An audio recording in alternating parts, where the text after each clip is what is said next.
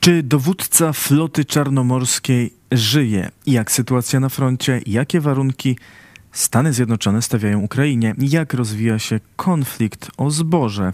O tym opowiemy dzisiaj. Zapraszam. Czy dowódca floty czarnomorskiej żyje? To pytanie rozpala od kilku dni internautów śledzących wojnę Rosji z Ukrainą. W piątek siły zbrojne Ukrainy przeprowadziły udany atak rakietowy na kwaterę główną rosyjskiej floty czarnomorskiej na Krymie w Sewastopolu. W poniedziałek przekazano, że w ataku zginęło 34 rosyjskich oficerów, w tym główny dowódca floty czarnomorskiej admirał Wiktor Sokołow.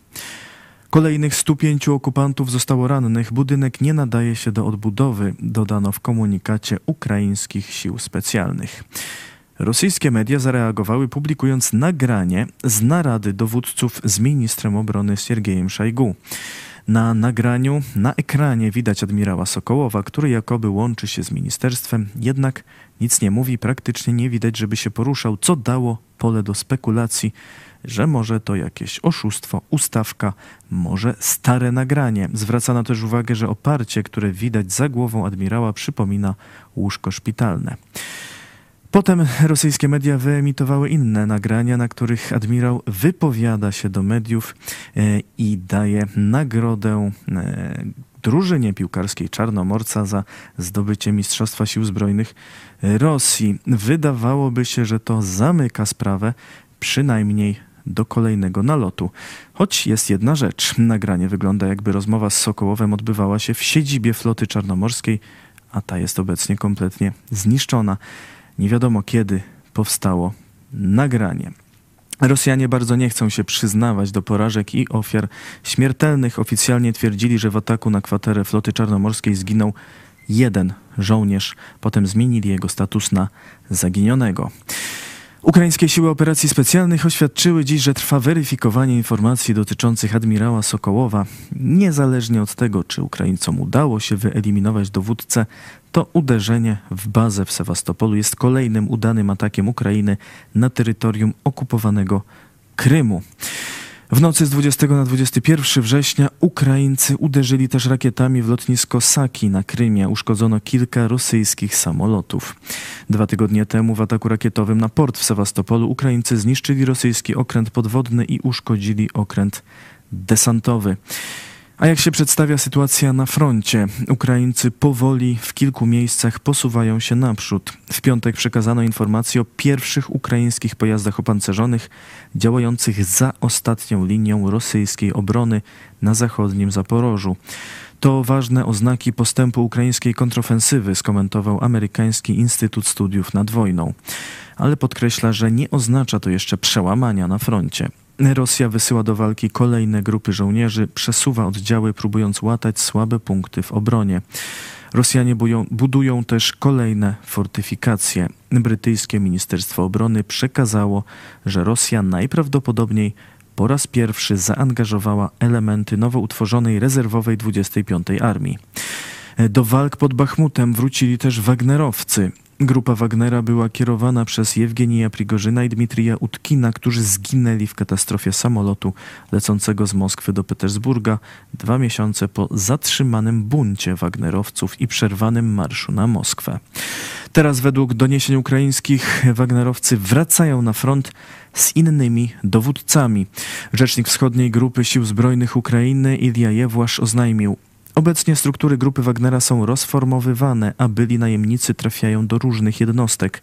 Część z nich udaje się do Afryki, niektórzy podpisują kontrakty z rosyjskim Ministerstwem Obrony i biorą udział w wojnie w różnym charakterze, w tym jako instruktorzy. Niektórzy trafiają do zwykłych jednostek bojowych. Przedwczoraj prezydent Ukrainy poinformował, że do Ukrainy dotarły pierwsze amerykańskie czołgi Dobre wieści od ministra Umerowa. Abramsy są już na Ukrainie i są przygotowywane do wzmocnienia naszych brygad, napisał Wołodymyr Załęski na Telegramie. O sytuacji w Ukrainie mówił dziś Wiś pod prąd na żywo redaktor Michał Fałek. Wczoraj wieczorem były informacje, że Ukraińcy zaatakowali dużymi siłami na tym froncie zaporowskim, że być może chcą jeszcze ostatnim zrywem dokonać jakiegoś tam wyłomu, przełomu. Weszły do walki podobne już Abramsy, weszły tam do walki brytyjskie Challengery, czyli te najcięższe czołgi. Także czekamy tutaj cierpliwie na jakieś informacje. Natomiast w okolicy Bachmutu, no to Ukraińcy po tym jak zdobyli tę Andrzejewkę, Kliszczyjewkę, e, konsolidują tam siły, ale zdobyli wzgórza, także mają tak jakby kontrolę ogniową nad wejściem do Bachmutu. Bądźmy dobrej myśli, czekajmy, módlmy się o Ukrainę. Zobaczymy. Może następnym razem będzie więcej konkretnych wieści dobrych do przekazania.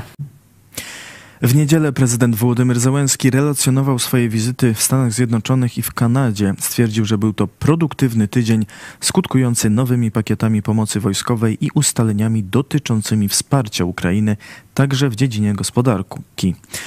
Ale pomoc Zachodu nie jest bezwarunkowa. Stany Zjednoczone przed udzieleniem dalszego wsparcia domagają się od Ukrainy m.in. zlikwidowania korupcji. Ambasada USA przekazała Ukrainie listę priorytetowych reform, które mają służyć integracji z Europą. W piśmie ambasady napisano: w ramach trwającego dialogu z Ukrainą i stronami zainteresowanymi przyszłym sukcesem Ukrainy Stany Zjednoczone przedstawiły proponowaną listę priorytetowych reform do dyskusji i przekazywania informacji zwrotnych na wielostronnej platformie koordynacji darczyńców na rzecz Ukrainy w Brukseli. Lista ta została przedstawiona jako podstawa do konsultacji z rządem Ukrainy i kluczowymi partnerami w ramach naszego ciągłego wsparcia dla Ukrainy i jej wysiłków na rzecz integracji z Europą, co jest celem, który Stany Zjednoczone zdecydowanie popierają. Zmiany zalecane przez USA dotyczą m.in. funkcjonowania rad nadzorczych państwowych spółek, organów antykorupcyjnych, władzy sądowniczej, a także działania Ministerstwa Obrony i organów ścigania, w tym Służby Bezpieczeństwa Ukrainy i Służby Granicznej. Ponadto wymieniono państwowy koncern zbrojeniowy i służby celne. Na reformy w poszczególnych sferach dano Ukrainie od 3 do 18 miesięcy. E, są też dobre wieści z Polski. Wydaje się, że może zostać załagodzony spór między Polską a Ukrainą w kwestii zboża. Dziś spotkali się w tej sprawie ministrowie rolnictwa Polski i Ukrainy. Minister Robert Telus tak mówił po rozmowach. Nasze stanowisko jest twarde i stanowcze, jeżeli chodzi o zboże. Na rynek polski zboże z Ukrainy nie może wpływać. Strona ukraińska przyjęła tą, tą naszą argumentację, że my w tej chwili musimy sobie poradzić ze zbożem, które zebraliśmy w tym roku. Rozmowę zacząłem od tego, że apeluję do strony ukraińskiej o wycofanie skargi z WTO, że to jest e, skarga bezpodstawna. Minister Ukrainy zadeklarował, że będzie rozmawiał z ministrem gospodarki e, na Ukrainie, żeby przemyśleć wycofanie tej skargi. Zasada i nasze myślenie jest jedno: pomóc Ukrainie wywieźć zboże z Ukrainy, żeby to zboże pojechało tam, gdzie powinno pojechać, zbudować mechanizmy na przyszłość, ale zabezpieczyć, i to jest jakby najważniejsza sprawa, ja to mówię niejednokrotnie, że to jest number one, zabezpieczyć nasz polski rynek y, naszego rolnika i to robimy. Myślę, że tutaj ta rozmowa była dobrą rozmową. Minister Ukrainy kilkakrotnie apelował o to, abyśmy wygasili pewne emocje, które były niepotrzebne, które były wypowiedziane po stronie ukraińskiej, może i po stronie polskiej, żebyśmy to wszystko wygasili po to, żeby sprawę unormować. No i będziemy dalej się spotykać. Umówiliśmy się, że w ciągu może tygodnia, dwóch spotkamy się na kolejne spotkanie. Wczoraj ukraiński prezydent powiedział, że stopniowo pozbywamy się emocji wokół tematu zboża.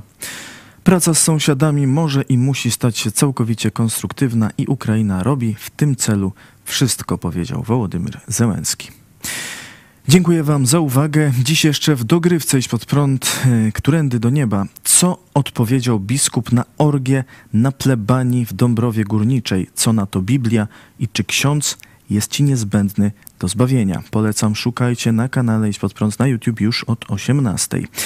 Zachęcam do subskrypcji, abyście dostawali powiadomienia o naszych programach i dziękuję wszystkim naszym wspierającym. Jak wiecie, co miesiąc staramy się zebrać tysiąc osób wpłacających na rozwój telewizji Idź Pod Prąd i ilustrujemy to jako układanie puzli. W tej chwili, jak widzicie wyraźnie, jest tutaj 720 do 1000, jeszcze 280, aby obraz był pełny, a do końca września dwa dni. Zachęcamy do wsparcia, istniejemy dzięki Wam i dla Was robimy co możemy. Odwiedzajcie nasze profile na Facebooku, Twitterze i Instagramie. Do zobaczenia jutro.